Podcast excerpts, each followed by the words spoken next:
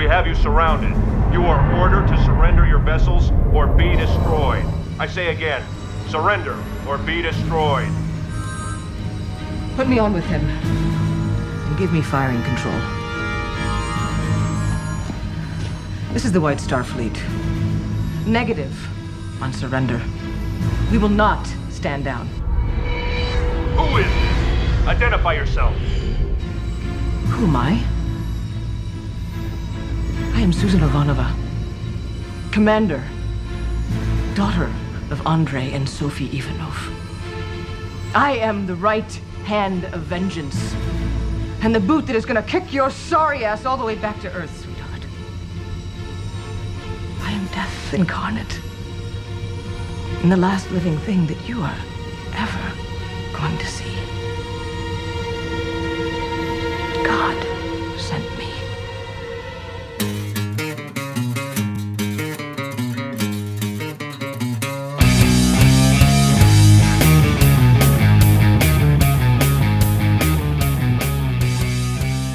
og velkommen til Supersnak med Marvel Morten og Kim Helt, alias Morten Søndergaard. og Kim Skov. Det her er podcastet, hvor to tidligere tegneserieredaktører taler sig tosset om film, tv-serier, bøger og populærkultur, men med en helt særlig kærlighed til tegneserierne, mediet, hvor alt godt opstår. Og i dag skal det handle om Michael Straczynski, hvis det er sådan, det, det udtales. En Joe Michael Straczynski. En, en, en kendt og meget flittig tv- og tegneserieforfatter. Det, that, That's putting it mildly. ja, altså hans øh, øh, flittighed, den, øh, altså, den kan måles med, lad mig se, Stephen King og stort set ingen andre. øh, det er lang tid siden, vi har lavet en af de her afsnit, hvor vi sådan tager fat i en enkelt forfatter eller tegner. Øh, men øh, vi havde lyst til at gøre det med Straczynski her, som jeg tror mange af vores øh, lyttere vil kende for især Spider-Man, som han skrev i lang tid. Øh, ja, rigtig gode og hæfter. virkelig hævde Spider-Man op af sumpen og gjorde den god igen.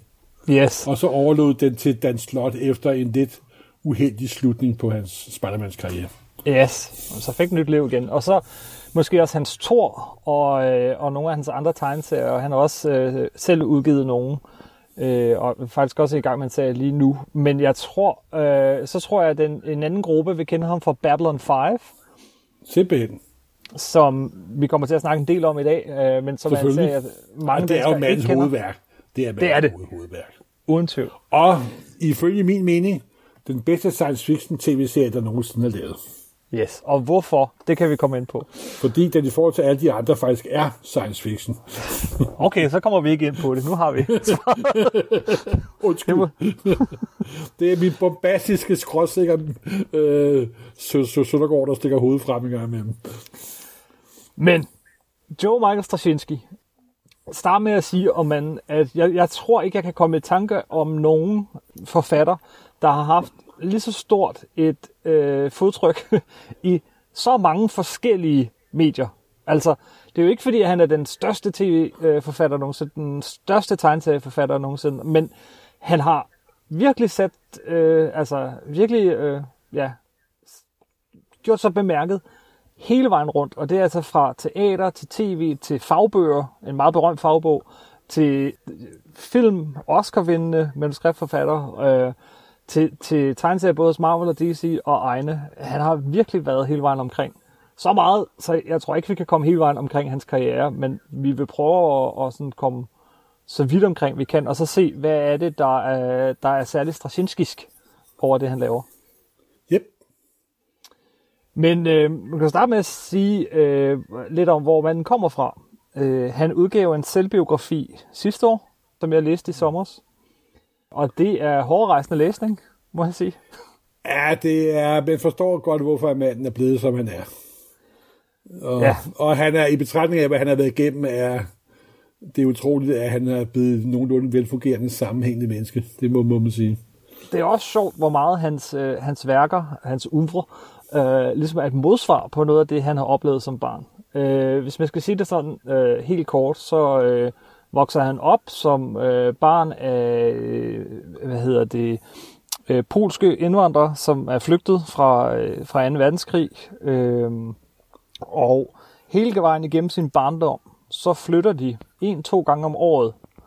Hele tiden. på flugt fra kreditorer. Hans far er, øh, skal man tage hans beskrivelser fra bogen her for, for pålydende, så er han jo fuldstændig, øh, fuldstændig rapplende øh, gal. Altså, han er ond, øh, ødelægger ting for at ødelægge ting. Øh, hans mor øh, er ligesom tvunget ind i det her ægteskab, altså blackmailet ind i det her ægteskab. Øh, han har et minde fra, han er øh, 7-8 år, hvor hans mor smider ham ud af, øh, af et højt hus, og han øh, mirakuløst overlever ved at, at falde ned i tøj og den slags. Så han stoler ikke så meget på sin mor, og slet ikke på sin far. Hans far, han øh, straffede ham ved blandt andet at tage hans, øh, da han engang ikke klarede så godt i skolen, fordi, hallo, han skiftede skole hele tiden, så ødelagde han hans øh, kæreste Eje, som var første udgaver af Amazing Fantasy 15, øh, de Fantastic Four 1, og så videre, og så videre. Det lyder som The Parents from Hell, simpelthen. Han fortæller selv, at det der ligesom øh, i den her meget omskiftelige barndom, øh, som heller ikke måtte ud i et helt fantastisk voksenliv til at starte med i hvert fald, men at det, der ligesom var den røde tråd for ham, det var, øh, det var tegneserierne og bøgerne, science fiction bøgerne især. Øh, hvordan han, han, en historie, han har fortalt mange gange, er, hvordan han, øh, hver gang han kom til en ny bo, øh, by, så tog han over på biblioteket, og så fandt han for eksempel en Asimov, øh, og, og kunne se samme bog, samme cover, og så øh, begyndte han at læse der på biblioteket. De flyttede, går han hen på biblioteket, åbner den igen og fortsætter. Part of the problem of moving all the time, as you say, is that you cannot make friends because there's no point because you know you're going to be gone in you know X number of months. So I would for the first 17 years of my life, 16 years of my life, I, I had like no friends at all. Um, and but science fiction became that continuity for me uh, because I could be on page 16 of a Ray Bradbury novel in Patterson, New Jersey, and move to Los Angeles and go to the library, pick up the same book, same cover, page 17, and keep right on reading. So science fiction and the, the literature of, of the fantastic became for me a home. It became the continuity I didn't have anywhere else. Så det var ligesom den eneste kontinuitet i hans liv. Det er de her fantastiske historier, som vi også godt kan lide at snakke om. Bestemt. Nå, men det er jo ikke... Altså det, det er jo ikke en ukendt historie af, at folk søger trøst og, og flugt og forståelse og indsigt i de bøger der. At der har været for så ekstreme forhold, det er selvfølgelig lidt spe- specielt. Men der er mange af vores helte, af vores yndlings kreative mennesker, som der har nogenlunde samme barndom, hvor det er bøger, der betyder enormt meget. Og mm. det kan vi jo kun skrive, skrive, skrive under på. Vi er jo selv lidt af samme type, jo så. Men vi har jo selvfølgelig ikke haft nogen nær så traumatiserende barndom, må man sige. altså, den her bog, den er virkelig hård, altså, og, og den er bitter. Øh, det, det er nærmest et langt anklageskrift mod hans far, øh, og når, han kan ikke lide sin far. Så Nej, men det er jo, det, det, det, der irriterede mig lidt ved bogen, det var faktisk, at den var en lang anklageskrift mod faren, og den var bitter. Ja. Fordi på et tidspunkt må man også sige, jeg ved godt, det er enormt det, der at sige en mand, der ikke har haft en forfærdelig barndom. Ja, prøv at komme videre, men jeg vil ønske, at manden var kommet videre, og det er han selvfølgelig også på mange på punkter, altså. Men jeg tror, sjovt. at han har skrevet, han har skrevet sin, sin, sin, han har skrevet sin, sin uh, psykose ud. Det er 100% sikkert. Ja, men det skriver han jo direkte, at, at, at at han, han gjorde oprør mod sin far ved øh, aldrig at give sit navn videre. Han var den sidste mand, der kunne give sit øh, efternavn videre. Så da han blev gift, så kan han ikke det videre. Han lod sig, øh, af, hvad hedder det, øh, kastrere, da han, da han var ung. Al- altså, jo, han, er, men... han er bare... Det, det, det er et helt vildt had, han har til sin far. Men når man læser ja, det er bogen, så, og det er jo, det er jo had, som der har blok- blokeret for en masse for den arme mand, jo ikke også? Altså, ja. det er jo... Men når man så læser om hans... Øh, når man så læser, ser hans tv-serier, læser hans bøger og sådan noget, så er det sjovt så meget øh, øh gode faderskikkelser, de fylder. Altså, fædrene er altid sådan nogle vidunderlige mennesker i, i hans... Øh, i, jo, det er jo godt, at han har gjort til noget positivt, så... Ja, men han har jo virkelig... Nu er der også nok af, af otte faderskikkelser inden for populærkulturen. så. Ja, det er rigtigt. Han øh, begynder så også at skrive, øh, hvad hedder det, små kort historier selv. Øh, og på sådan en rigtig Straczynski måde, så tror jeg, så skriver han bare og skriver og skriver og skriver sådan en historie om dagen, to historier om dagen og sådan noget, uden egentlig at gå op i kvaliteten af de historier. Øh, det gør han så senere, ikke? Men altså, han, han får i hvert fald brugt de der 10.000 timer lynhurtigt. Øh, og, øh, og så er han bare også en lidt en Forrest Gump skikkelse, ikke? fordi han støder ind i folk. Han sidder en dag på sådan campus, og så øh, kommer der en, en mand hen og begynder at læse øh, nogle af hans... Øh, sætter sig bare ned og begynder at læse en masse af hans øh, historier, som han har taget med der, og så giver han ham lidt kritik, og så går han væk igen, og Straczynski sådan, hvem, hvem var det? Jamen, det var så skaberen af Twilight Zone. Ah, Hvad er det nu, han hedder, Morten? Rod Selling. Selling? Ja, yes. Øhm, han lærer også øh, øh, Harlan Ellison at kende. Som masse senere havde samarbejdet med under Babylon 5. coming up from pretty awful circumstances. I was told by everyone around me, "You- you're never going to be a writer. You, know, you come from the streets. Uh, writing was perceived to be sort of an ivory tower profession. Guys with corduroy jackets and you know patches on the elbows. I wasn't that kind. I was a street rat. And one writer who really spoke to me, who came from similar circumstances, was Harlan Ellison um, leading writer of science fiction, but also mainstream stuff as well. And he did all these great introductions uh, to his work, um, talking about his own background as a writer and how he got into it and how he persevered. So for years and years, whenever I had doubts or wasn't sure about being able to go forward, I would go back to his introductions and read them. And I still read them to this day because they're they're very inspiring and really keep me focused on being a writer. And you eventually work with him. Yeah, we, we became friends. Um, there was a weird bump in between. Um, I was living in a commune, religious commune, for a couple of years while I was in college, and I hit a point where my writing wasn't selling. I'd done some before that that had sold, but now suddenly it wasn't going anywhere. And I remembered that in one of his uh, essays, he printed his phone number. I thought this can't be his real phone number; it's got to be a gag. And Harlan is known to be really sort of um, over the top, uh, uh, in your face, aggressive kind of guy. Well, I'm going to try calling this number just to see what happens. And I called the number, and rings, and I hear, "Yeah." Oh Jesus! Now I'm screwed. Uh, Is this is this Harlan Ellison? Yeah. What do you want? Oh shit. Um, my name is Joe Straczynski. I, I'm a writer, and my stuff isn't selling. And you, maybe you had some advice, which is the stupidest thing to ask any writer because there is no good answer to that question. It's like the question, "What are you doing with my wife?" There is no good answer to that question. And he says, "Your stuff isn't selling." I said, "No, it's not." All right. Here's what you do: stop writing shit. If it wasn't shit, it would sell somewhere. My advice to you: stop writing shit. Uh, th- thank you, Mr. Ellison. And I hung up the phone. Years and years and years later, we became friends, and I'm, I dared mentioning that conversation from years earlier. I said, "Do you remember that conversation?" He recounted it exactly. He said, "Were you offended?" I said, "Had you been wrong, I would have been offended." So um, he, he and I are, are, are good friends, and we have come to each other's salvation on many occasions. Hans karriere, den begynder, den begynder sådan set i, øh, ja, hvis man går helt tilbage, så begynder den i, øh, i gymnasiet, hvor han begynder at skrive nogle, nogle stykker der, og så ser at, altså manden har jo igen, på grund af sin opvækst, ikke haft venskaber eller noget, men det begynder han så at opdage, at han kan få ved at, at skrive, øh, og folk samles omkring det, han laver, og øh, han uddanner sig til journalist i første omgang, arbejder for en masse forskellige aviser, øh, og tager ellers øh, på universitetet og læser psykologi, sociologi, øh, litteratur. Øh, og beslutter sig ret tidligt øh, for, at det er sådan noget, han vil lave.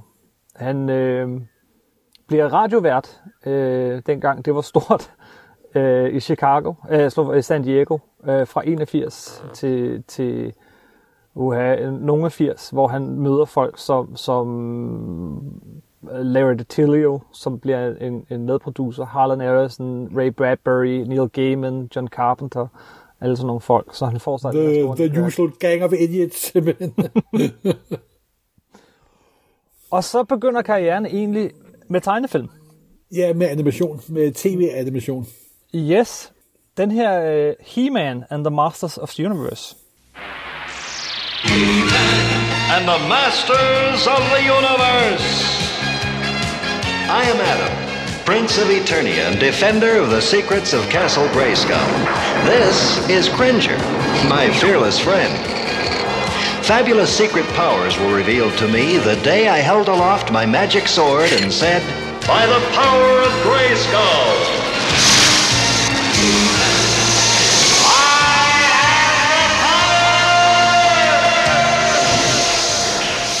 Som jeg er alt for gammel til at være fan af, men du er jo lidt mere i målgruppen.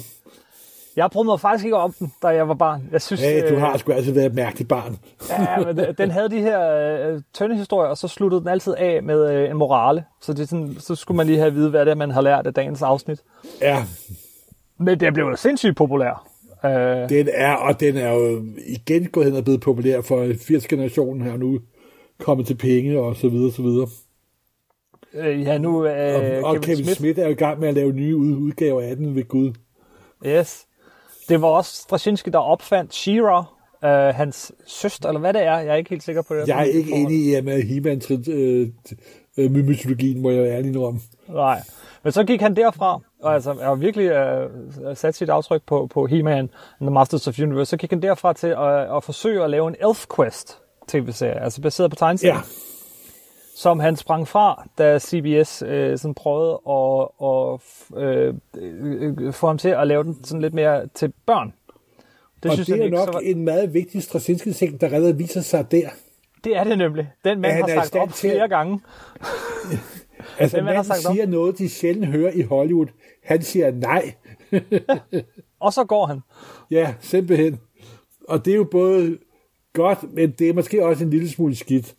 Men det skal jeg ikke kunne, kunne, kunne afgøre. Jeg er ikke karriererådgiver. Nej. Så, øh, så kom han over på Ghostbusters.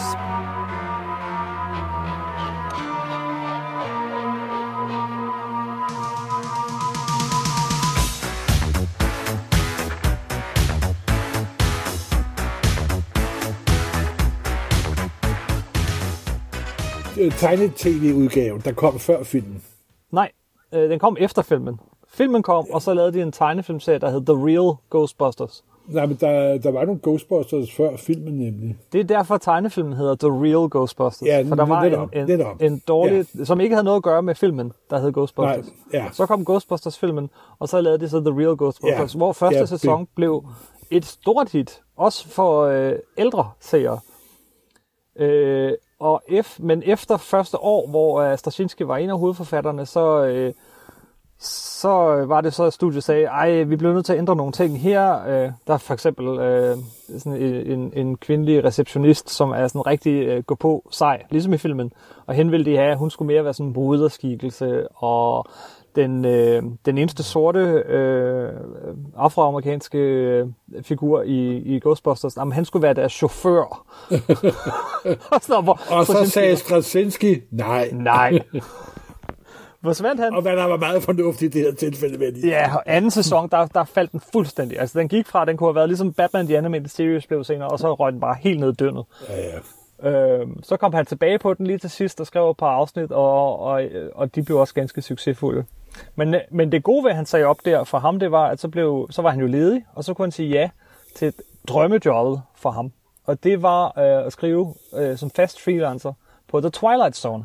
Den genoplevede Twilight Zone fra 80'erne. Kan du huske den serie? Øh, Jeg kan huske, der var en del af dem i tv, og dengang, der var håren efter fantasy og science fiction på tv jo meget større, og der var ikke nær samme udbud i dag, så nogle af dem var faktisk ok. Nogle af dem var også misser, men man kunne se, at de prøvede. Man kunne se, at de prøvede faktisk. Og der kom også nogle gange kendte forfattere ind over, og så videre, og så videre. Og der var også nogle konkurrerende tv-kanaler, der lavede nogle tilsvarende konkurrerende shows. Og der var forfattere i hele de her 80'erne, i at, sådan science fiction antologiformatet, hvis man kan kalde det det, hvor både George R. Martin og Joe Haldeman og Roger Selazny Ja. fik lov til at bolde sig så lidt. Og var Selvfølgelig jo, under, under, under, under, under ret hårde, øh, sådan, de blev redigeret kraftigt og fik ikke lov til at gøre, hvad de havde lyst til osv. osv. Men efter datidens forhold var det det, der var spændende, fordi ja, man var meget sulten dengang, og biderne var meget små. Det var man, og så skal du huske, at der fandtes faktisk ikke en øh, science fiction serie, som var foregået i over tre sæsoner overhovedet. Nej, Det var det længste, en science fiction serie havde kørt. Og, og det, der så var i stedet for, var de her små antologiserier. Han, øh, han lavede også lidt for rigtig sådan her 80'er fjernsyn, start 90'er fjernsyn. Murder, She, Wrote og og Jake der var and også the den der Man. Captain Powers, var der også. Power on. Captain Power and the soldiers of the future. Earth 2147. The legacy of the Metal Wars, when man fought machine and machines won. Så fik han nemlig, efter han havde freelancer lidt for Murder, She Wrote, Jack and the Fat Man og lidt forskelligt, så blev han hovedforfatter, showrunner, på en, øh, en ret speciel børne-tv-serie. Der var endda noget med, hvor man skulle købe sådan nogle interaktive ting. Det var legetøj, bruge. som fejlede. Man, man kunne Ja, købe noget legetøj. netop. Så, Og skulle man bruge det samtidig med, at tv-serien kørte. Jeg er ikke helt inde i, hvordan det virkede. Jeg er sikker på, at der på nettet findes en fanatisk fanklub omkring Captain Powers. Det er jeg fuldstændig sikker på. Det gør der sikkert, men det, det interessante ved Captain Powers var, at han blev showrunner. Øh, han fik det her faste samarbejde med Doc Netter øh, og, og nogle af de andre. Alle, faktisk hele holdet, som kom til at, at, at lave Babylon 5 kort efter. Simpelthen. Det var til børn, men det var også en tv-serie, som brugte computereffekter. Øh, live action, altså det var jo nærmest en live action tegnefilm. Og, og, og for et meget, meget, meget lille budget. Øh, så de fik nogle erfaringer her. Men så i 1991, så øh, får Straczynski lov at lave drømmeprojekter, hvor han tager med sig en masse af de her erfaringer, han har haft fra sin tidligere tv-karriere, især for det her børnetv, øh, og så får han lavet Babylon 5. Simpelthen mandens hovedværk. It was the dawn of the third age of mankind, ten years after the Earth-Minbari War. The Babylon Project was a dream given form. Its goal, to prevent another war by creating a place where humans and aliens could work out their differences peacefully. It's a port of call, home away from home for diplomats, hustlers, entrepreneurs, and wanderers. Humans and aliens wrapped in 2,500,000 tons of spinning metal, all alone in the night. It can be a dangerous place, but it's our last best hope for peace. This is the story of the last of the Babylon stations. The year is 2258.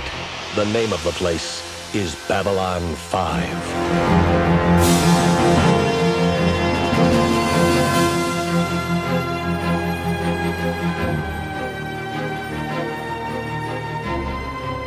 Og Morten, jeg tror, for de uindvidede, kan du ikke?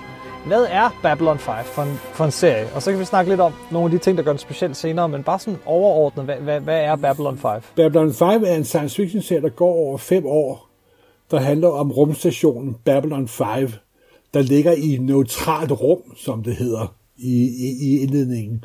Og det er sådan et samlingspunkt for, for menneskerasen og mange af de andre øh, raser, de har mødt, da menneskeheden sådan kom ud og var i stand til at rejse mellem, mellem øh, med stjernerne. Simpelthen foregår et par hundrede år ude i, ude i fremtiden. Og så handler det om de diplomatiske og øh, interne konflikter, der er mellem jordboerne og de for diverse raser og kampen om galaktisk herredømme simpelthen. Eller den del af rummet. Og så kommer der selvfølgelig også en kæmpe kamp om kaos og orden ind sådan ovenover. Og det er og det er sådan en rigtig spraglende science fiction historie med masser af tråde alle mulige vegne. Men der er et, et langt overordnet plot, der varer fem år, som der bliver styret stramt af Straczynski. Og det er nok i virkeligheden det, der var det mest specielle ved serien, lige da den kom. I dag er det jo meget normalt, at man har en, en historie, der kører over flere år. Dengang var det nærmest uhørt. Det var tilbage til status quo, når et afslut var slut, eller i hvert fald derhen af. Det var lige præcis det modsatte, der var hele formålet med Babylon 5. Ideen var at fortælle, hvad der svarer til en, en roman over fem år, med begyndelse, midte og slutning øh, og epilog, øh, ud over fem år. Øh, og, og det er så synd, at man ikke kan finde den nogen steder til streaming, for jeg kan dårligt komme i tanke om en tv-serie fra den her periode, som er mere egnet til sådan noget binge-watching end- Babylon 5. Øh, jeg så den her hen over øh, det sidste halvårs tid. Hele serien og den efterfølgende øh, Crusade og sideserierne. Jeg har læst tegneserierne, jeg har læst bøgerne, det hele, øh, hen over det sidste halvårs tid her. Og øh, det er bare, altså det er ret imponerende, øh, at det kan lade sig gøre. Og så starter den jo øh, som, som forholdsvis lille historie med, med, med nogle lidt firkant skårende figurer, men lynhurtigt så udvikler den sig, og så bliver det netop, som du siger, det, nærmest sådan lidt Ringnes herreagtigt med, øh, hvis ikke det gode mod det onde, så i hvert fald orden mod kaos. Orden det bliver sådan mod- helt op mod på den kaos. store klinge, ikke? Simpelthen, og det er med den store galaktiske konflikt og gamle raser, der har levet milliarder af år, og altså alt, det er sådan en rigtig klassisk space opera simpelthen, hvor Men du virkelig samtidig- mærker, at det er stort, universet er stort og uendeligt og fyldt med alt muligt simpelthen. Hvilket er utroligt, når den er fortalt på det her budget, fordi næsten hele serien, altså, og det er bare sådan rent skriveteknisk, hvor at, øh, Straczynski han imponerer mig, fordi næsten hele er fortalt igennem de samme 5-6 skuespillere på det her lille bitte i virkeligheden sæt, som de har, øh, med, med nogle billige special effects. Øh, men, men altså, det betyder så, at, at det bliver en meget sådan karaktercentreret tv-serie også. Der er ikke en eneste af de her figurer, som ikke gennemgår den vildeste udvikling. Altså, ham der er fjolset i starten, han ender med at blive en af de mægtigste og allermest tragiske figurer overhovedet. Øh, alle sammen. Der er ingen, der er, der er gode og ikke også er onde. Der er ingen, der er onde, der ikke også bliver gode. Altså, det, er- det er ret imponerende. Det er fantastisk, og det er jo også det, at i modsætning til det, der var på daværende tidspunkt, der var der Next Generation og den påbegyndende Deep Space Nine, der, der også havde Ja. sine kvaliteter. Især Deep Space Nine havde jo også måske, at der skete udvikling fra sæson til sæson, men det kunne ikke slet ikke måle sig med Babylon 5. Og i og med, at Babylon 5 havde et meget lavt budget, så fik de også meget mere rådrum til at være kreative. Og så er der også en anden ting, at der kom 110 afsnit i alt. Og skrev Straczynski 92 af afsnittene, eller noget den stil. Det tror Og jeg. han skrev- han han skrev skrev næsten- hele sæson. Han skrev, jeg tror på nær tre afsnit af sæson 2, så skrev han hele sæson 3 og hele sæson 4. Altså en forfatter, alle 22 afsnit i en sæson. Det var fuldstændig uhørt. Og det er også det, der gør, at serien er så sammenhængende rent historiemæssigt. Ja. Ja. Fordi en af de, der kendetegner Straczynski, han er måske ikke verdens største forfatter, ikke, verdens, ikke verdensmester i dialog, men hans Nej. struktur, hans historiestruktur, de er helt fantastiske. Og da han skrev den første sætning i det første tv-afsnit, der vidste han, hvad det sidste afsnit ville ende med. Ja. Og der bliver bygget op til det hele, og der kommer nogle af de største, fedeste overraskelser, nogensinde har haft ved at sidde og se en tv-serie. De kommer i, i Babylon 5. Det er mind-blowing simpelthen. Men, Samtidig, ja, men der er jo det, at hvis moderne publikum ser den, der er vant til super lækker Game of Thrones effekter til millioner af dollar, så synes de godt nok, at det der er mærkeligt er, at effekter ser ud som, de er lavet på en uh, Apple 4 til telefon og så videre, så videre, så videre. det er lavet på en gammel Amiga, du. ja, simpelthen med en såkaldt videotoaster puttet ovenpå, ja. tror jeg, det hedder.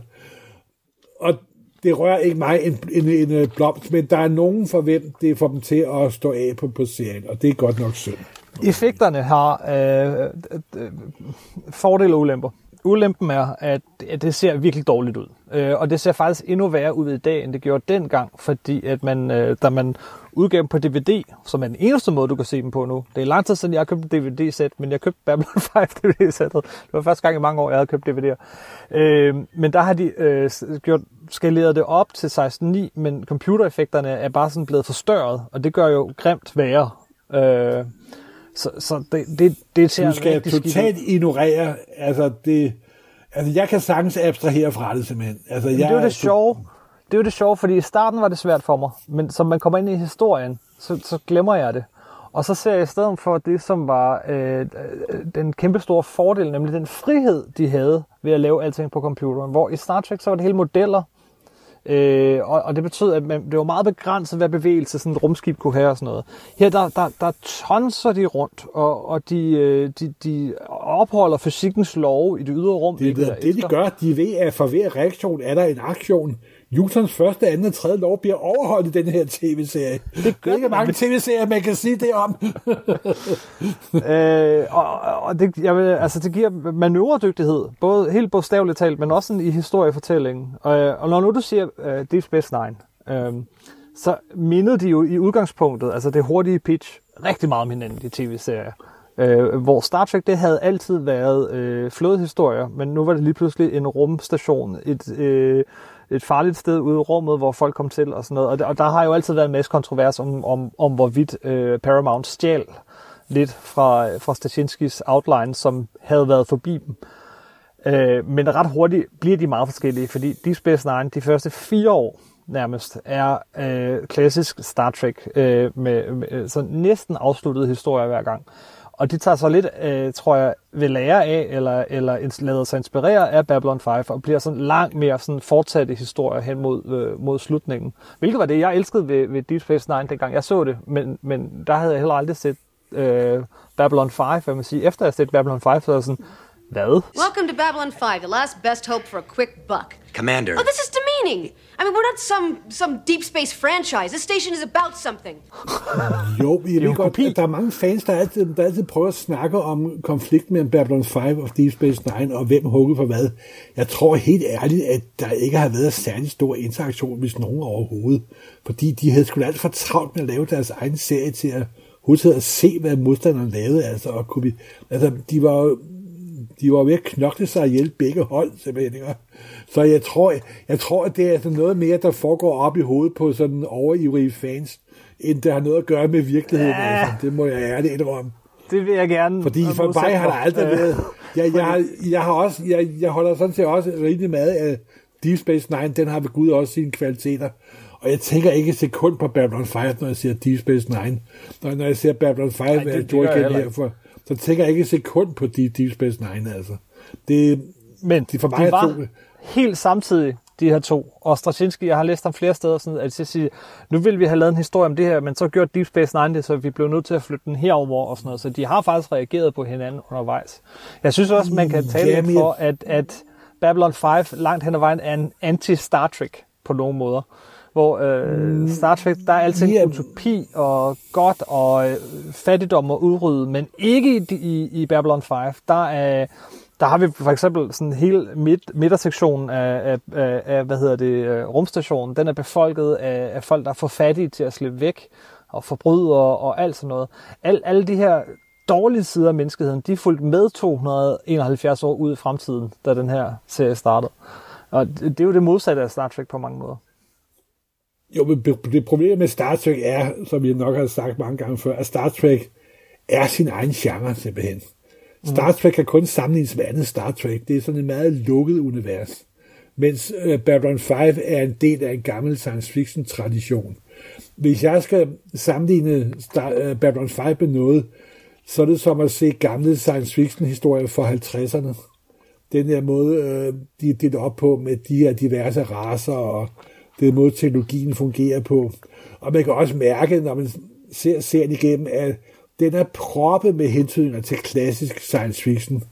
Altså chefen fra, fra, chefen fra tankepolitiet, der før bliver spillet af en kendt gammel Star Trek-skuespiller.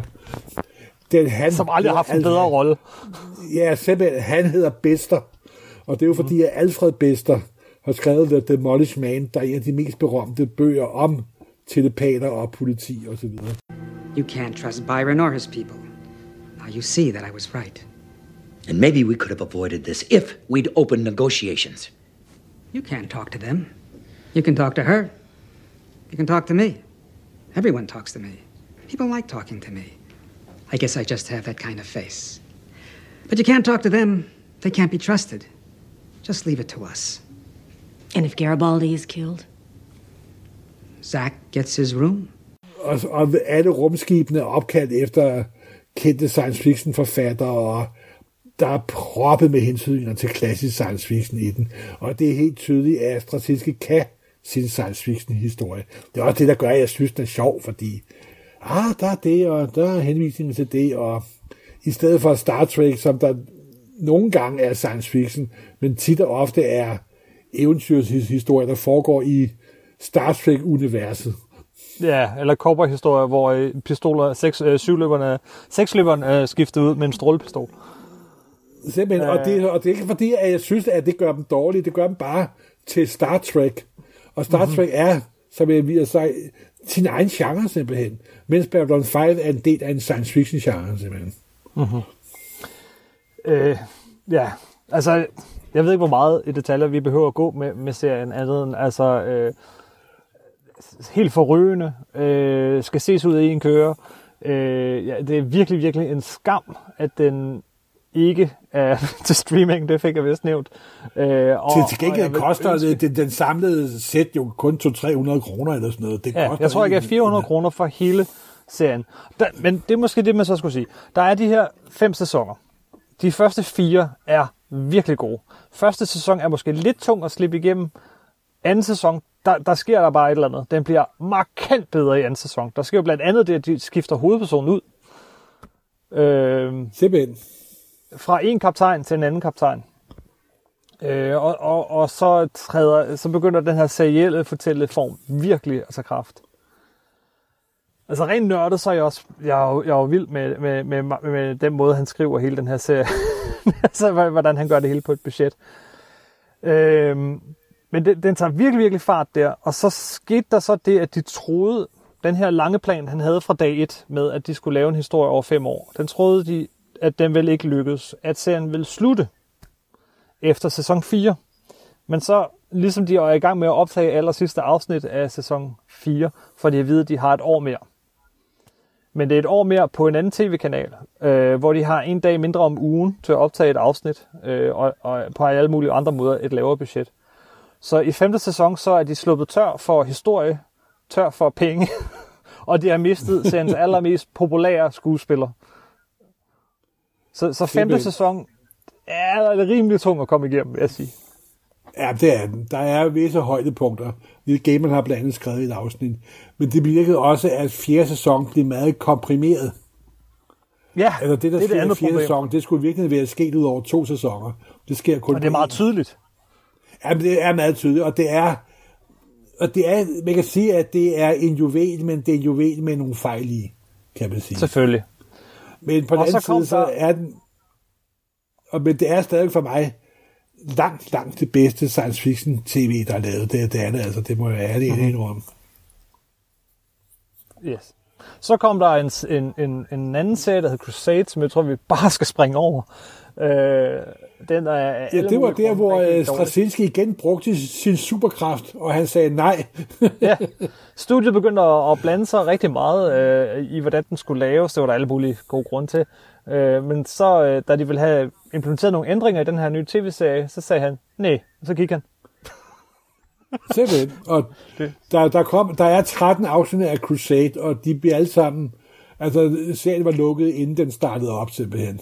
Ja, inden, inden første og, afsnit var sendt, havde han, han droppet den. Det vil sige, den har og, dårligere ry, end den er. Jeg, øh, altså, den er virkelig udskilt, den serie, men jeg synes nu ikke, at der var et eneste afsnit, jeg ikke kunne se et eller andet godt i. Men, men vi er langt, langt, langt fra, øh, fra højderne af Babylon 5, og, og, og alt hvad der kommer efter sæson 4 af Babylon 5, har også bare det, at vi har haft, altså hvad der svarer, altså til, til vi er kommet til Mordor, vi har fået ringen ned i smeltedilen, øh, Sauron er væk, hvis man skal sige det sådan, øh, og så er det bare, ja, så er der en troldmand uden skov og nogle appendix, hvis man skal sammenligne, ikke? Jo, nu vil jeg ikke komme med spoilers. Og så er der også de der der, der er de der fem sæsoner, og så er der også de her fem film, der er blevet lavet for forbindelse med ja. Babylon 5. Men de er alle sammen sat ind sådan man så huske at se den i, i den rigtige Nå, rækkefølge. Hvis, hvis man køber sættet, så, så er de måske sat ind. Ah, godt. Fordi Nej. der er en, der hedder In the, der hedder In the Beginning. Men den, den, den skal se. man ikke se som... Nej, det må man ikke se som den første. Men skal, hvis, hvis man køber boksen og køber filmene, og får noget sammen, skal man lige gå på nettet og tjekke, hvilken rækkefølge man skal se det i. Og det er meget vigtigt. Der findes en herlig diagram, Morten, over, over rækkefølge, man skal se den. Men så kan man også tage den skridtet videre. Og det her, vi måske skal bevæge os lidt ud af selve tv-serien. Uh, man kan tage den skridtet øh, skridt videre, og så læse den, det hele i den uh, kronologi, Straczynski har tænkt det. Hvilket er rigtig fedt, fordi noget andet, der lykkes ved Babylon 5, som okay, er jo meget som, interessant. Som du har gjort det sidste halve år. Yes det er, at øh, fordi han er den her enmands her, øh, så, øh, så gør han noget, som, som man sådan altid har drømt om kunne lade sig gøre. Han fortæller faktisk historien over flere medier. Øh, allerede mens første sæson kører, så starter der en tegneserie fra DC Comics. Og, øh, og den, øh, den er kanon. Altså 100% kanon. Så det er simpelthen- der, der sker ting i tegneserien, som så får konsekvenser for tv-serien, og som man kun fatter for alvor, hvis man har læst tegneserien i den rigtige rækkefølge, hvilket jeg synes var vildt fedt. Så jeg, jeg, jeg sådan veksler mellem, okay, mellem de her afsnit skal jeg læse de her to numre, og de her to numre mellem de her afsnit osv. Det var virkelig sjovt. Øh, så kom der også en række bøger. Øh, der kom 11 bøger i første omgang, og øh, de var ikke, de var ikke særlig gode. men, men to af dem er kanon, øh, og har fået status af kender, så det var det eneste, jeg sådan rigtig dykkede ned i. Øh, og igen, dem skal man også læse på et bestemt tidspunkt, mens man ser tv-serien. Og så er der bare meget, der giver mening på sådan et helt andet niveau. Det er virkelig flot styret øh, på den måde. Der kom også, efter tv-serien slutter, tre trilogier af bøger. En om tankepolitiet, Psychor, og, og ham der Alfred Bester. Øh, så en om, hvad der siden skete for øh, seriens, tror næsten man kan sige hovedperson, Londo. Øh, I hvert fald den, der gennemgår den vildeste karakterark. Og så en, en tredje om det her. Ja, det er der ikke. Der er mange, der gennemgår en vild karakterark. Ja, det, Den første ja. chef ender også som noget, man ikke helt forventede. Den må ja, du ikke undskyld. spoile. Ja, undskyld. Den må du virkelig ikke spoile. Nej, det må jeg ikke. Det må jeg. Øh, ja. Og, og igen, man skal læse de her ting øh, i række, rækkefølge, for, så man ikke får ødelagt noget. Fordi det er en stor historie. Det er ikke bare sidehistorie. Det kan ikke lade sig gøre med sidehistorie i det her univers rigtigt. Fordi det hele, i hvert fald de første tre og en halv sæson, bygger op øh, til et stort, øh, gigantisk øh, eventyr. Ja, og det, Så er, det er meget jo, sjovt. hvor, hvor Straczynski også viser sin styrke. Ja. Med at han kan få strukturen til at hænge sammen. Det kan han altså. Det var jo lidt det, som Star Wars-universet påstod at kunne der i 90'erne, at alt var kanon, at øh, alting hang sammen, at bøgerne også var en del af et rigtigt univers. Og sådan Ja, noget. Det, øh, det, det tog er vist kørt for år tilbage, tror jeg. den, the, the, the coach has left the station. Men det lykkedes med Babylon 5. Øh, ja, for, og, og, og, og, og hvorfor lykkedes det? Fordi, der, det? fordi det kostede ingen penge, og der var en mand, der bestemte det hele. Yes. Det har så sin pris. Du har øh, hele afsnit, hvor det er bare to mennesker, der sidder i et rum og snakker. Det er nærmest filmet teater. Men hold kæft, hvor er det fedt en gang imellem. Og, øh, og, og, og altså, de har virkelig øh, budgettet, de, de har virkelig kæmpet med det der budget, men så lykkes det dem så alligevel at, at spænde noget guld på den der, når de ikke har, når de ikke har tøj på. Altså, jeg vil da, jeg vil da ønske, at måske en gang, hvis det nogensinde sker, at det hele bliver klippet sammen til sådan en 25 afsnits lang serie. Simpelthen. Det kan du ikke. Du kan ikke klippe det sammen til en 25 år. Nej, nej, nej. Jeg vil have et samlet afsnit. Ja, der er, der er nogle afsnit, der man godt kan undvære og så videre. og der er faktisk kun et eneste virkelig dårligt afsnit i alle de 110 afsnit. Det er der er kun rigtigt. et virkelig dårligt afsnit. Og jeg ved præcis, hvad fedt du mener. Ja, Grade 17 is missing, er det ikke? Ja, net, netop. Og du vil give mig ret i, det er dårligt. Det, det er elendigt. Men altså, ud af alt det andet der. Så er det Øh. ret imponerende. Yes. Og jeg tror, jeg har set den, har jeg set den tre eller fire gange? Og Jamen, jeg har da jeg så den allerførste gang, da jeg så den allerførste gang, det var jo i de gamle videobåndsdage. Der ja. betalte jeg for to afsnit 179 kroner på VHS. Been for to afsnit. Ja. Og nu kan alle gå på nettet og købe hele Mulevitten for omkring 300 kroner. 400, Så der er- men ja. Nej, jeg har faktisk set i dag til under 300 kroner. Hold da kæft. Ja, så der er noget, der hedder, at tiderne bliver bedre. Yes. Så, jeg håber, nogen, øh, der ikke har stiftet bekendtskab med den endnu, vil prøve at gøre det, og så, se, så og, og hænge i. Den er lidt, lidt svær lige i starten, også øh, fordi det ligner lort. Men, men det Jamen, bliver gør- altså, altså, bedre og bedre og bedre. det er jo... Øh, Men hvad så? Skal vi fortsætte hans karriere lidt? Fordi hvad så efter Babylon 5? Hvad så? så han blev tilbudt øh, Star Trek Enterprise at køre den, og sagde straks nej. Det var nok meget fornuftigt. Jeg tror, Straczynski havde overlevet i Star Trek-universet cirka to uger, inden at jeg kom op og skændes med alle. Ja. Der havde han ikke fået den der frihed, han ellers havde. Øh, men så, øh, Jamen, han, altså, han, han, tv-karrieren fortsatte ikke sådan lige med det samme. I stedet for, så fandt han en ny karriere, hvor han ja. virkelig slog sit navn fast. Og det var i tegneserierne. Inden for superhelte. Og han fik faktisk fat i den største, en af de allerstørste af alle superhelte. Ja, men før det, ude noget... før det, så laver han sin egen, øh, inden vi kommer til det, så laver han jo faktisk sin egen øh, tegneserie, det, efter Babylon 5, øh, som hedder øh, Rising Stars. Var gud, er den reddet så tidligt? Ja, det er den vel. Den er fra 99. Top Cow. Ah, ja. Og Spider-Man er først fra 2001.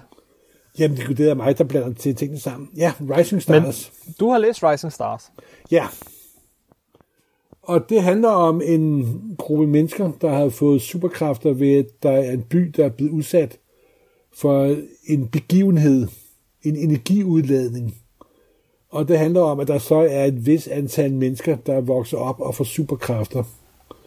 Og der har den, øh, og, så, og det er sådan et forsøg på at lave i så en realistisk superhelteserie i stil med Watchmen for eksempel. Mhm. Hvordan vil staten re- reagere på, hvordan vil regeringen, hvordan vil verden reagere på, at der lige pludselig vokser en hel generation af superhelte op.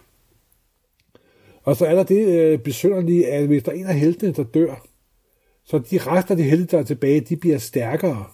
Mm-hmm. Så dør to, så bliver de endnu stærkere. Og så har serien jo sin uundgåelige slutning, at det ender med, at der er en tilbage. Og det er det hele, det er den Rising Stars, man snakker så meget om. Og så, og det er igen, hvor Straczynski viser, at han kan det med, med struktur. Serien er hæmmet lidt af, at den skifter tegnere hele tiden. Mm. Og den er tegnet sådan en 90'er stil. Men det er bestemt en, øh, en det er værd, bestemt et besøg værd. Jeg tror faktisk ikke rigtigt, at man kan købe den samlet. Så vidt jeg ved. Jeg tror faktisk, den er samlet i sådan en stor Absolute øh, Edition. Han lavede også en sideserie til den, øh, som så til gengæld var tegnet af Gary Frank, som vi jo godt kan lide. Ja. Øh, Ja. Som senere har lavet en masse sammen med øh, Ja. Jeff Johns, øh, Shazam og Superman og alt sådan noget. Det, det, det var en af de der personer, som der var blevet sådan en super politi- politibetjent. Midnight Nation hed den. Øh, Nå, den der, okay, nå, det var det er noget, ja, det handler om sådan øh, livet efter livet, og spøgelser og ånd og alt muligt andet. Det, den er faktisk ret mærkelig. Den er ret mærkelig, og den er, øh, den, det er sådan lidt spil af en god tegners talent, for at sige det lige ud, fordi det er rigtig meget talking heads hele vejen igennem.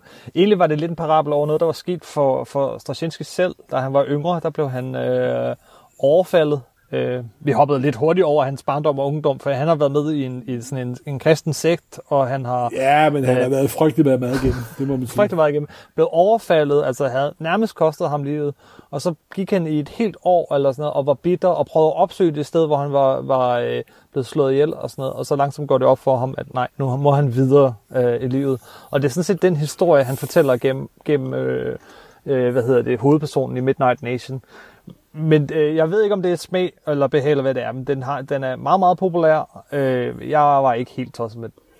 Ej, jeg, jeg må indrømme, at det, det, der fascinerede ved den, det var, at det var sådan et meget personligt værk. Det må jeg indrømme. Ja, det er det, jeg er mener, det virkelig det, det er virkelig en af de få ting, der virkelig er 100% Straczynski og 100% personligt. Det er faktisk ret fascinerende ved den.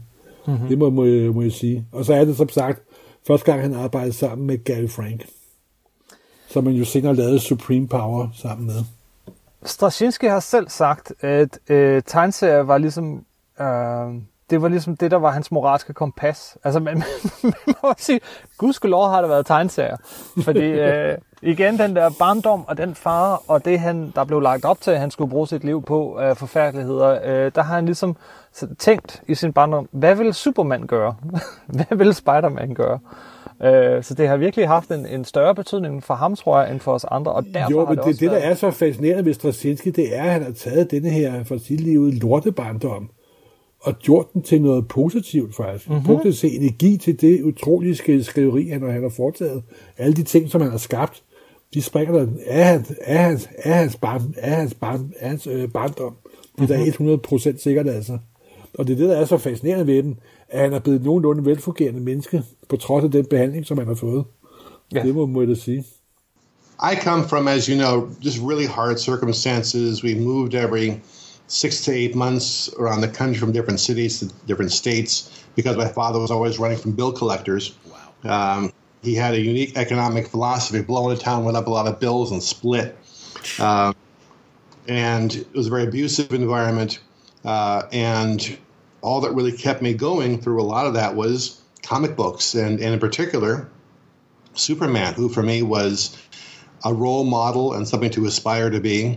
And there were times when I was getting beat up all the time by uh, kids and by my dad or whatever else, and I would just sort of, you know, pretend I couldn't feel it, that I was invulnerable. Uh, and you learn persistence. And in a family that had no moral compass whatsoever, the idea of a character who could have been my father, who, who had a moral center, who never hurt anyone who didn't hit him first, uh, was really important to me. And that character really got me through the worst parts of my life. Men så i starten af 2000'erne, så havde han så lidt en dobbeltkarriere. Han fortsat øh, med en anden, øh, han fortsat med øh, Jeremiah, øh, et, altså den her europæiske tegneserie, post-apokalyptiske tegneserie, den skrev han ikke, men han lavede en tv-serie baseret på den. Som, så øh, øh, løst baseret på den. Løst baseret. Meget løst baseret på den. Og jeg synes heller ikke, øh, den er værd at genbesøge. Og øh, den er ok. Det var ok dengang, men i dag vil den nok forekomme sådan ret ligegyldig, for at sige Ja, det var også en, han skred fra, fordi at der var to forskellige studier involveret, Showtime og MGM, og de ville have hver deres ting, og så sådan, jamen, pff, gider ikke. Hej hej. det er sjovt. Men øh, inden, inden han begyndte på Jeremiah, samtidig med at han lavede Jeremiah, så lavede han Spider-Man. Ja. Og, og, og hans... det var jo rigtig, rigtig, rigtig godt, fordi Spider-Man havde været inde i en frygtelig op- og nedturperiode. Byrne havde, der var kommet den, hvor Byrne prøvede at lave en ny origin til Spider-Man. Ja. Der ikke rigtig var, var, var lykkedes, og at May var død og kommet tilbage, og der havde været, um, der var, havde været en masse, masse rod. Og så med Amazing Spider-Man nummer 30, de var også gået tilbage og lavet en ny øh, nummerrækkefølge. Ham og John Robinson Jr., de lavede faktisk i nummer 30, de, de sagde det ikke på forsiden, og de sagde det heller ikke indeni, men det var en reboot. De sagde, at han simpelthen rebootede Spider-Man uden at sige til nogen. Ja. Hvis du simpelthen læser første nummer, nummer 30, så handler det om, at Spider-Man svinger rundt, møder et par figurer, øh, fanger et par forbrydere, viser, hvad han kan af kræfter, og snakker med, med Aunt May. Simpelthen. Ground Zero. Og så bygger han Spider-Man op fra med nummer 30 i de næste mange år. Og det, jeg husker, da jeg var nået frem dertil, at vi skulle til at udgive mig til at oversætte den. Det var en fornøjelse simpelthen. Det var, pludselig kunne man ånde lettet op og vide, at den figur, du skal sidde og oversætte i mange år, den er i gode hænder simpelthen. Og det run, som ham og John Robinson Jr. laver de næste mange år, det er ganske fantastisk. Det er Desværre løb det lidt, lidt ud i sandet til sidst. Men jo. de kører i mange år. Noget af det bedste Spider-Man, der er lavet i mange, mange, mange år. Ja, fuldstændig rigtigt. Og hvor Spider, altså det, det, han gjorde Spider-Man voksen, først og fremmest. Altså jeg synes, det var meget voksen. Måske endda, nogen kan sige for voksen. Spider-Man, men et frisk pus på det tidspunkt. Øh, jo, men samtidig kørte de jo også Ultimate Spider-Man ved siden af, jo ikke også? Det er det. Så, så øh, de kunne både blæse og have mund med hensyn til, til Spider-Man og det var en enorm modig Spider-Man-historie øh, her. Altså, der, kan du huske, øh, han fandt på sådan noget med, at, at Spider-Man øh, måske, det blev aldrig sagt eksplicit, hvilket jeg godt kan lide, men måske var der noget med, at han var et totemdyr, og øh, at øh, der var en grund til, at alle hans fjender var dyr, Rhino, Scorpion og så videre. Det var vist mere end måske, det var en del af historien gennem lang, lang tid, tror jeg. Ja, der var den der The Other, og så var der Back in Black, og alle de her ting. Øh... Og så var der også det, at han lod Aunt May finde ud af, at Peter Parker var Spider-Man. Yes. Og, og det flyttede... gav et helt andet, mere dynamisk forhold imellem Aunt May og Peter Parker, og gjorde Aunt May til en meget mere interessant og aktiv figur. Hun blev lige pludselig en del af historien, en aktiv del af historien. Yes. Og der kom også et meget mere modigt forhold mellem Mary Jane og Peter Parker simpelthen. Og de flyttede ind i Avengers Mansion. Øh, så kom den krydsede over sammen med øh, Civil War, hvor Spider-Mans identitet bliver offentligt kendt, og. Aunt May bliver skudt, så vi ja, og så ender det desværre hele med, at det hele bliver nulstillet, ikke også? Men det... det gør det, men det var virkelig et fantastisk øh, run, øh, og, og, og som, meget, som udviklede sig sådan meget organisk, meget løbende. Altså ikke, virkede ikke som sådan en stor planlagt historie, ligesom Babylon 5. Men, men bare et, et virkelig for, moderne, øh, nutidigt, dengang, øh, take på Spider-Man, som var i den grad savnet. Altså det, det, det var noget det mest specielle, øh, særligt, der var sket for den figur i mange, mange, altså, mange hvis du ser bortset fra øh, Steve Ditko og John Robinson-perioden, så er det for mig det bedste run, der har været på, på Spider-Man. Simpelthen. Så er det sagt. Så er det sagt. Og så Tror, var han kan- jo også... Vi kan ikke, og så vi er kan ikke, der jo Spider-Man nummer 36. Yes, præcis. Jeg skulle til at sige, den kan Der vi er lige et nødt til at meget rundt. mærkeligt nummer. Mm. Fordi det skete jo... Det er et nummer, der reagerer på 9-11. Og Det blev simpelthen nummer, skrevet ugen efter 9-11, eller dagen efter og han 9-11. skrev, det, øh, han skrev det i en, øh, i en camper på den tv-serie, han var i gang med på en halv time, sagde han. Mhm. Mm-hmm. Og det er en lang følelse, hele nummeret. Mhm. Og jeg kan huske, da jeg skulle oversætte det, så synes jeg godt nok, at det var... Det var nok forkert at bruge ordet sentimental, men det var en lang følelse. Ja. Og jeg synes, der var nogle underlige ting med det, men det var også meget fascinerende, fordi det var fuldstændig frisk for leveren, frisk for hjertet. Men at Dr. Doom står og græder over, at nogle, nogle mennesker er døde, det var jo nok måske sådan lige og stramme den lidt, synes jeg. Men, Mm. men det viser også meget den stemning og den, øh, den tidsånd, der var over bladet. Og det er et ganske fantastisk nummer. Og det kommer også kun med sort forside og så videre, så videre. Ja, det kommer, Og, og, ja, det, ja. og, og, og det er også sådan helt uden for kronologi, faktisk. Jamen, det er sådan et tidsdokument, ikke? Altså, Det øh, fuld, fuld, fuldstændig. Fuldstændig. I hans bog, øh, hans selvbiografi der, så tror jeg faktisk, det er nærmest det eneste, øh, hvor han, han, han, han bringer nærmest hele det, han, alt det, han skrev der efter 11. september øh, i, i, i, Spider-Man-bladet, øh, bringer han der i bogen. Øh, Jo, men han sagde, han, så vidt jeg husker, så sagde han, han skrev det på en halv time eller sådan noget. ja, og han synes selv, det er det bedste, han nogensinde har skrevet. Ja, det vil jeg jo nok. men skal, skal men det, det, er jo, det er jo klart, at man skulle have været der, og man skulle have været amerikaner, og det er en følelse, der var. Det kan jeg jo ikke rigtig se- sætte mig ind i for at sige lige ud. vil jeg sige, en, hvis man skal sige noget lidt dårligt om Straczynski, så er det nogle gange hans dialog og, øh, og, øh, og beskrivelser og sådan noget, det bliver, det bliver meget langt, og det bliver meget, meget, meget teatralsk. Øh, øh, eller, pennen løber afsted med ham nogle gange, især Babylon 5, altså, hvor der er nogle, folk siger nogle ting, som mennesker ikke siger. Det kan godt være, de skriver Ja. det. Men det er jo nok, hvis det var muligt at få en redaktør på Straczynski, hvad der nok ikke er muligt, så ville det nok have vil- været bedre på længere sigt. Men Ja. jeg kunne Han havde en forestille mig, redaktør, at- ja, han blev fyret efter første ja. sæson. ja, det er top. Altså, og, og det er jo også lidt det der, øh, Straczynski er sin egen værste fjende på en eller anden måde. Ikke? Yes. Men på den anden side er det jo rart, at en, der bare siger, det gider jeg ikke, farvel, nej. Mm. Det er pis, gider jeg ikke simpelthen. Og han er sin egen herre. Det er også bevirket, at der, alle de ting, som han er kendt for, det er noget, der næsten er perfekt, og næsten er fuldført, og næsten er lavet færdigt. Men, men aldrig helt. Mm-hmm. Det, er, det er ikke sådan noget, der er fuldkommet, kan man sige. Eller fuldbragt. Det kan man Det- også det- sige om, om en anden populær serie, han lavede hos Marvel øh, på det her tidspunkt, som jeg var helt vildt tosset med i starten, øh, og, og, og den udkom på dansk. Vi snakkede om den for nylig, da der var, øh, hvad hedder det, læserbrevkasse, lytterbrevkasse, nemlig Supreme Power. Netop, som man lavede sammen med Gary Frank. Der jo er en realistisk udgave af DC-universet i Marvel-universet. Eller i en del af Marvel-universet. Det foregår på en totalt ny, fiktiv jord. Hvor der dukker figurer op, der minder utrolig meget om de kendte Superman, Ja. Batman, Ly- Lynet og så videre. Men set, hvad nu hvis det skete i virkeligheden? Ja, og det var virkelig det take, og, og et af de bedste takes på det der, hvad nu hvis superhelte var ægte, som jo, den har vi hørt nogle gange. Øh, så- men, Jamen, men, det, er, det er et af de mere vel, vellykkede forsøg, det må, må jeg sige.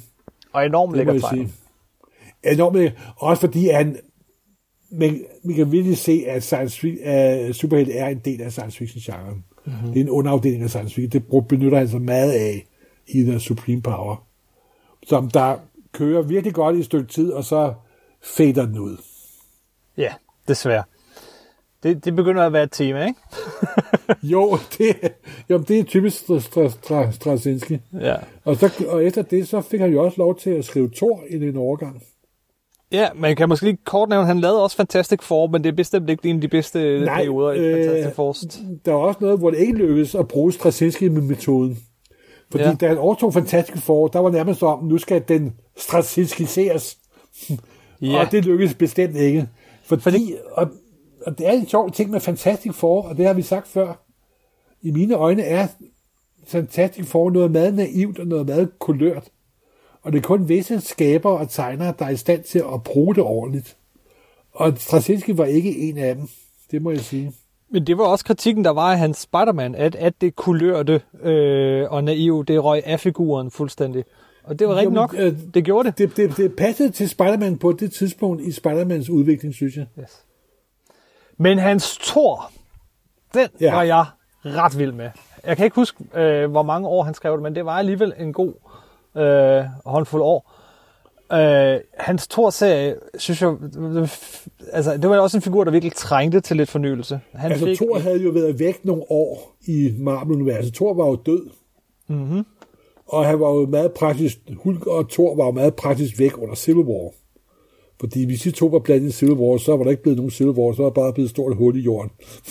så det var også en af grunden til, at Hulk og Thor var skaffet af vejen, mens Civil War kørte i Marvel-universet. Men så dukkede Thor op igen, og det var Straczynski, der, der førte pinden, og det var jo ganske fremragende. det var, altså det er i høj grad, den, den her serie, den, den har haft stor indflydelse på især den første Thor-film. Øh, som Og Straczynski er også med i den første Thor-film. Han er ikke bare med, han er med til at skrive den. Han er, øh, han har story credit på den første Thor-film. Nå, det er han og han har, og har endda en lille dialogstump i filmen. Ja. Så lavede han en masse forskelligt. Øh, en Doctor Strange miniserie, en Silver Surfer miniserie. Der er Så- Dr. Strange-serien er også et eksempel på, at det ikke lykkes. Det er en totalt tåbelig idé, Den er hvor han prøver at gøre Dr. Strange sådan digitalt internet-agtigt. Og det faldt totalt til jorden, simpelthen. Men der jeg lige stoppe dig, fordi det var lige et kodeord, ikke? Fordi digital internetagtigt. Hvis der er noget, som kendetegner Straczynski, så er det virkelig, at han har, øh, han har været med fra starten på Usenet og, og sådan noget. Han har en af de mest kommunikative øh, Øh, forfattere og skaber, øh, forfatter som der nogensinde har været, tror jeg. Han har, øh, han, han har en kæmpestor online presence, som det hedder i dag, mest på Twitter, men helt fra starten. Altså, han var den første sådan øh, store kreative skaber inden for populærkulturen, der faktisk gik på nettet øh, allerede helt tilbage i 1984, var han på Usernet og kommunikerede med fansene og gav dem beskeder og snakkede med dem og respekterede dem. Men der også blev virket af Bernard Fine-fandommen er jo, var jo kæmpestor i en overgang. Og der er stadigvæk en lille fanatisk øh, hårde tilbage.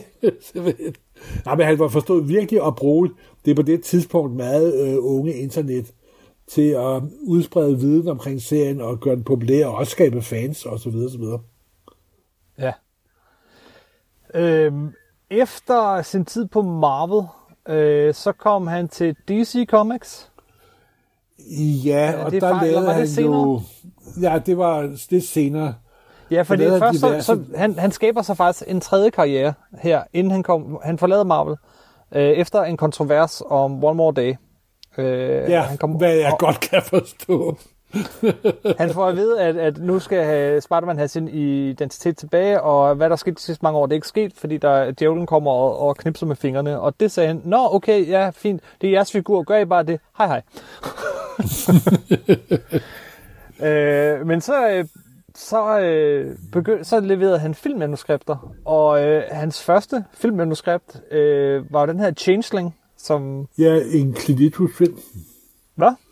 En Clint, Clint, Clint, Clint Eastwood-film. Ja, nemlig instrueret af Clint Eastwood med Angelo, uh, Angelina Jolie i hovedrollen. Rigtig, virkelig uh, fed, uh, vild historie, som er, er sådan meget... Storartet film, storartet film. Yes, og vandt Oscar, som sagt. Og så fik han ellers uh, travlt med at skrive alt muligt andet.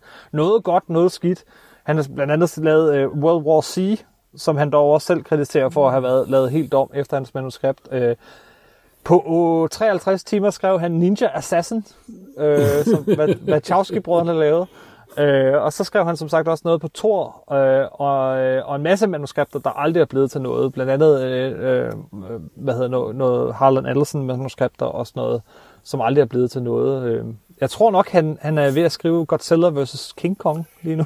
Ja, det så jeg. En her, kommer nok, nok måske nok først til 21, men, og men, det er jo...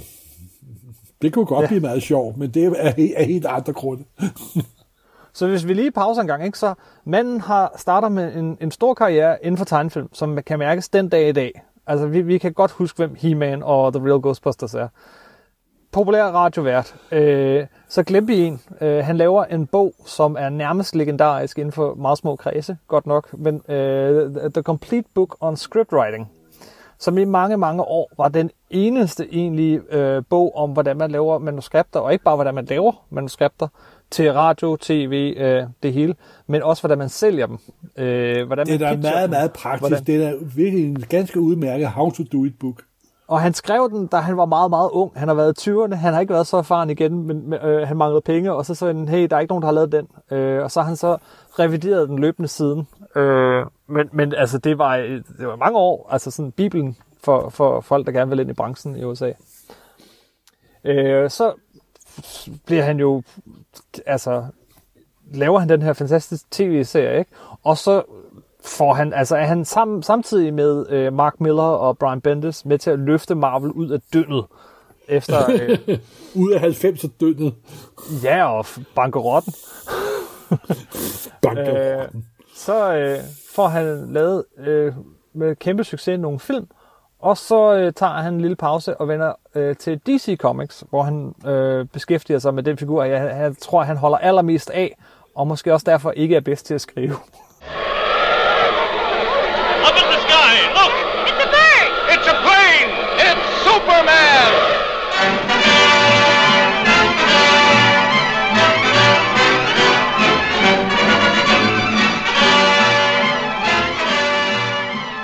Nej, det, det var ikke særlig godt. Han skrev Superman i en kortere overgang, hvor blev... Superman havde flyveforbud og kun gik på jorden. Og...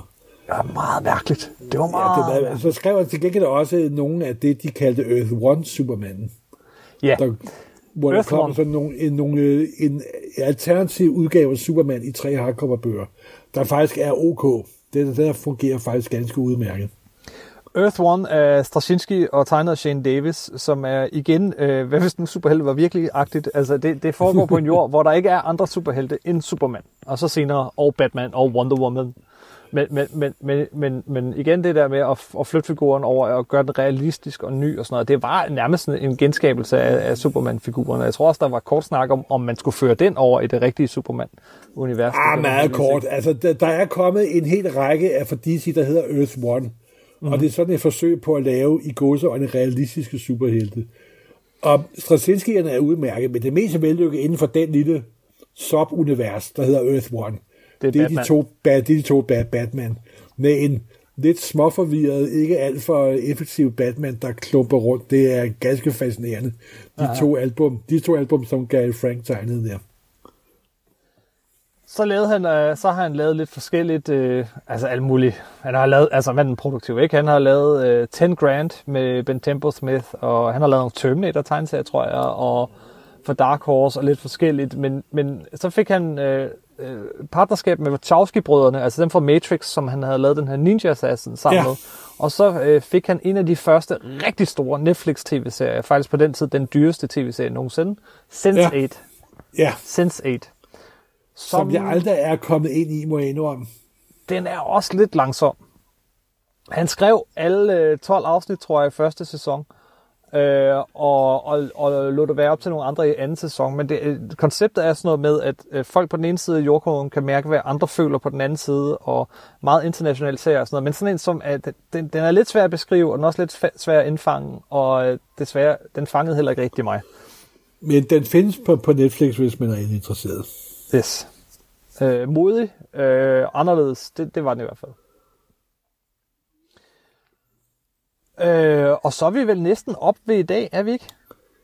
Jo, han har jo lige, så lavede han nogle andre, han havde også det, han kalder for Joe Comics, hvor han har ja. lavet nogle sådan masse småforsøg med en, en superheltserie, der kun fokuserer på uh, sidekicks, for eksempel. Og, ja, og så det var noget fra Top Cow-tiden. Ja, det var et imprint og, under Top Cow. Ja, og der yes. har han også lavet nogle, nogle andre sådan småforsøg på at bygge et univers.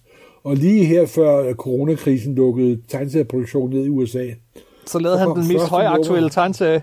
så lavede han en ny, en ny start på et nyt superhelteunivers, hvor der kun er kommet et hæfte. Ja, det er Hvor vi sødt. se, hvad, hvad, hvad det så, så ender med. Men prøv lige at fortælle, hvad, det, den, hvad, hvad konceptet er, Morten. Jamen, det er noget med en virus og sådan noget. Det skal vi ikke komme nærmere Det er noget med en pandemi, og... Ja, ja, det... Ja. Det er, hvis det ikke var så sørgeligt, så er det faktisk ret morsomt. Det er utroligt. Og ellers så har man Ej, du er, bare... du er, en pandemi er jo en meget benyttet ting inden for populærkulturen, må man lige Jo, jo, jo. sige. Men timingen er sjov. Det må man sige. Det må Ellers har han jo 10.000 uafsluttede projekter, manuskripter, og det er der aldrig er det, der er noget. problemet med den manden, det er, at han har utrolig mange jern i ilden, men det kræver også, at man skal samarbejde for, for de jern i ilden til at fungere til det, det bliver, og det er måske ikke hans stærke side. Nu Nej. sidder jeg og psykoanalyserer et menneske, jeg aldrig har mødt. Det er selvfølgelig fuldstændig groft, det er jeg udmærket godt klar over. Men jeg har, jeg har været i mange år, jeg har været Straczynski i jagttager. Og det er så om, der er visse ting, der gentager sig hele tiden. Det er sandt. Men jeg, holder, har- jeg holder utrolig meget af vandet, og jeg har meget stor øh, respekt for ham, det må, må jeg sige. Jeg har først og fremmest for hans, hans arbejds... Øh, iver Ja, og så også metodik det, at han og- lykkedes ham over at komme over den forfærdelige barndom, altså. Ja, det er da, Jamen, det var så- det er da næsten, det er da næsten mandens allerstørste øh, be- bedrift, simpelthen. Mhm. Han er blevet nogenlunde velfungerende menneske oven på, på den ret dårlige start. Jeg er ikke bare en velfungerende, men også inspirerende menneske, altså, som fortæller gode historier. Øh, Ja. Altså øh, positive historier. Øh, og, og det er jo ikke fordi... Altså, øh, det er jo ikke fordi igen, at, at det, han skriver nødvendigvis er sådan epokegørende anderledes nyskabende. Det er, han, han er i mine øjne en, en virkelig dygtig håndværker. Ja, øh, ikke Ikke en jeg tror, stor også, at, tror jeg også godt, at han godt vil, vil, vil blive kendt som. Jeg tror, Ja. han er meget stolt ved, at han er en god håndværker. Og han kan lave alt, simpelthen, ikke også? Det var imponerende. Altså bare at sige, når man, øh, så laver jeg tegneserier, boom. Så laver jeg øh, film, boom. Og det er altså ikke sådan lige at komme ind i, i, i nogle af de her brancher. Det, Jeg, jeg tør slet ikke tænke på, hvad han har ligget hjemme i skrivebordskuffen. Altså. Nej, nej, nej. Det, det, det, er, det er vist rimelig anseligt. Og han har jeg- selvfølgelig også skrevet, skrevet et par romaner, selvfølgelig, men det er, det er jo nærmest underforstået. Ja, det er det. Han har skrevet nogle, øh, noget, sådan noget short, short fiction, halløj. Det er ikke han har også skrevet godt. et horrorroman eller 80'erne. to, så vidt jeg husker. En hvad? Han har også skrevet et par, et, et par horrorromaner, så vidt jeg husker. Ja, tilbage i start men- 80'erne. Ja, men det er sådan den bløde vare. Det er den bløde med, med, med Han, øh, men han er faktisk begyndt nu, efter den her selvbiografi, så den næste karriere, han vil tale på, det er som øh, skøn litteraturforfatter. Ja. Øh, og, og hans øh, bog øh, skulle være på trapperne foråret 2021. Nå, okay, okay. Nu må vi se, om den næste karriere lykkes. Manden er snart 70, tror jeg. Ah, han er Skal nok gå. født i 54. Han er halvanden år ældre end, øh, end jeg er. Så der er et stykke tid nu til 70'erne.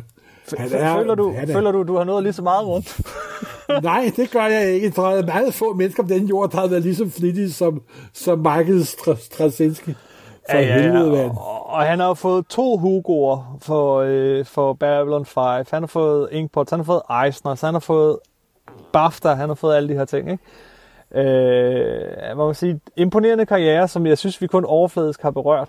Jeg synes lige, når du siger det der med, at der er en ting, der, at der ligger ting hjemme hos ham, som, som du slet ikke tør tænke på. Altså, der er bare... Jeg ved, at han har lavet et manuskript, som har fået, som har fået så meget øh, omtale, at det er blevet sådan helt... Øh, jeg vil se det manuskript. Nemlig Okay. Repent Harlequin, said the TikTok man. Ah, efter Harle, en af Harle Ellisons mest berømte no- noveller om en mand, der gør oprør mod et, et, et fascistisk teknologisk samfund. Mm-hmm. Den håber der jeg er lavet af en fantastisk tegneserieudgave med Alex Neiman. Nå den ja. der øh, filippinske tegner. Har lavet en fantastisk, det hedder Unknown Worlds of Science Fiction, som har lavet på et tidspunkt. Der lavede de en adaptation af Repent Harlequin Set the TikTok Man. Og det er faktisk en af de bedre tegneserieudgaver af science fiction, der nogensinde er lavet. Mm-hmm. Det var en kortvarig øh, Marvel, de, de havde en kort periode, hvor de udgav et rigtig, et, et rigtig, rigtig science fiction antologihæfte, der hed Unknown Worlds of Science Fiction, hvor ja. det var rigtige science fiction falder, der fortalte rigtige science fiction i, i, historier. Men det var selvfølgelig meget kort tid. Nå, men Straczynski, still going strong. Øh, må håbe, at øh, ikke tager helt pusten ud af det her nye foretagende med den nye serie, han laver. Og det er jo ikke bare en ny serie, det er faktisk et helt nyt univers, de prøver at starte op på, øh, på det her nye forlag. formålet med den her podcast, det er faktisk kun én ting. Det er at få vores lyttere til at se Babylon 5. Selvfølgelig er det det. Ja. Alt andet er nærmest, at de, har jo, de fleste af vores lyttere har jo nok læst hans Amazing Spider-Man, for vi fik udgivet næsten alt sammen, hvis ikke det hele på, på, på dansk. Men Babylon 5, selvom den er mærkelig og underlig og skæv og lavet på tre ører og, og et stykke tyggegummi, så er det i mine øjne stadig det bedste tv science fiction, der nogensinde er lavet. Det er ikke mange tv-serier, hvor jeg øh, går direkte ud og, og, og prøver at skaffe manuskripterne en gang imellem. Jeg har siddet og læst, jeg tror fire af manuskripterne indtil videre. Ja, men... Fordi jeg er så imponeret over, hvordan manden kan, kan lave så intens et drama med to mennesker i et rum. Der er blandt andet et, et helt afsnit, hvor det virkelig er øh, kaptajnen, der er bundet til en stol, og en, der forhører ham i en hel time. Simpelthen. That's it. Og det er så godt. det er i slutningen af fjerde sæson, så vidt jeg husker. Yes. Det var Straczynski. Ja. En, øh, øh, ja, notch notch. Se Babylon 5. Og så gå over og støv DVD'en af, og se om den stadig virker. Ja, og den kommer ikke i Blu-ray, og den, men den, jeg så den her for nylig på nettet til 300-400 kroner. Og ja. jeg tror, det var faktisk det hele. Jeg ved ikke, om det kun var de fem sæsoner, men jeg tror også, at de fem tv-film også var, med. Mhm. Men de er til at skaffe i hvert fald. Så kan jeg anbefale, selvom det er svært at skaffe, at man, man, man læser øh, alt det, der er udenom samtidig med. Fordi så meget er det ikke. Det er 13 numre og, og lidt forskelligt. Øh, så øh, af, den her tegneserie. Så, så det kan godt lade sig Men gøre. for og- guds skyld, læs det i hele den rækkefølge, det er udgivet. Ikke i Meget- den kronologiske. Ja, Ja, meget vigtigt. simpelthen. Find en guide på nettet og følg den slavisk. I mean, to, to, to be 58, knowing that I have my first film I'll be directing next year, how often does that happen? And if you look back at the chronology of, of the work to date, I had this whole 15 year long career as a journalist. That, anybody would be happy with. Up in Time Incorporated. That would be enough. Then I had this whole television career happen, which are 300 produced episodes, you know, and ran my own show. That should be enough. I've written 300 published comic books, you know, and bestsellers. That should be enough. And now I'm, you know, doing Changeling and this thing. That should be enough. Running my own studio. It just, I keep reinventing myself every few years, and despite, you know, reality, I keep succeeding at it, which you know, even I can't understand some days. Um, but I think it comes down to one simple thing, which is follow your passion, follow the things you care about, uh, tell the stories you want to tell. Um, I think that as as kids, we tend to spontaneously sing, dance, tell stories, and someone tells you, "Well, you shouldn't do that. You're not very good at that. Adults should do that. You're going to embarrass yourself." And we begin to unlearn our passions, and we fall asleep on our own lives. Something happens to wake us up. It's a diagnosis of cancer, someone dies, whatever it is, you get married, get divorced, and there's suddenly you wake up. But if we can stay awake and make informed decisions and reinvent ourselves on occasion and follow our passions, amazing things happen. Coming from where I come from, poor environments, street, blue collar, no friends or relatives in the business, I should be working at a gas station or in prison right now.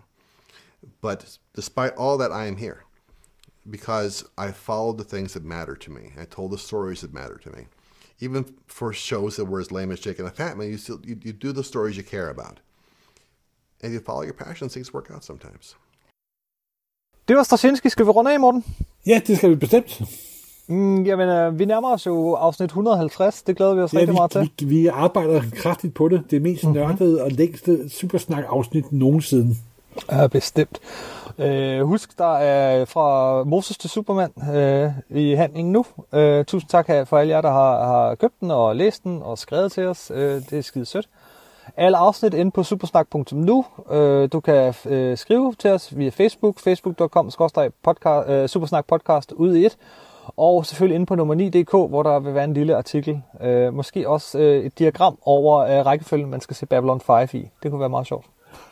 Det var jo en rigtig god, god idé. Tak for snakken, Morten. Ja, hej.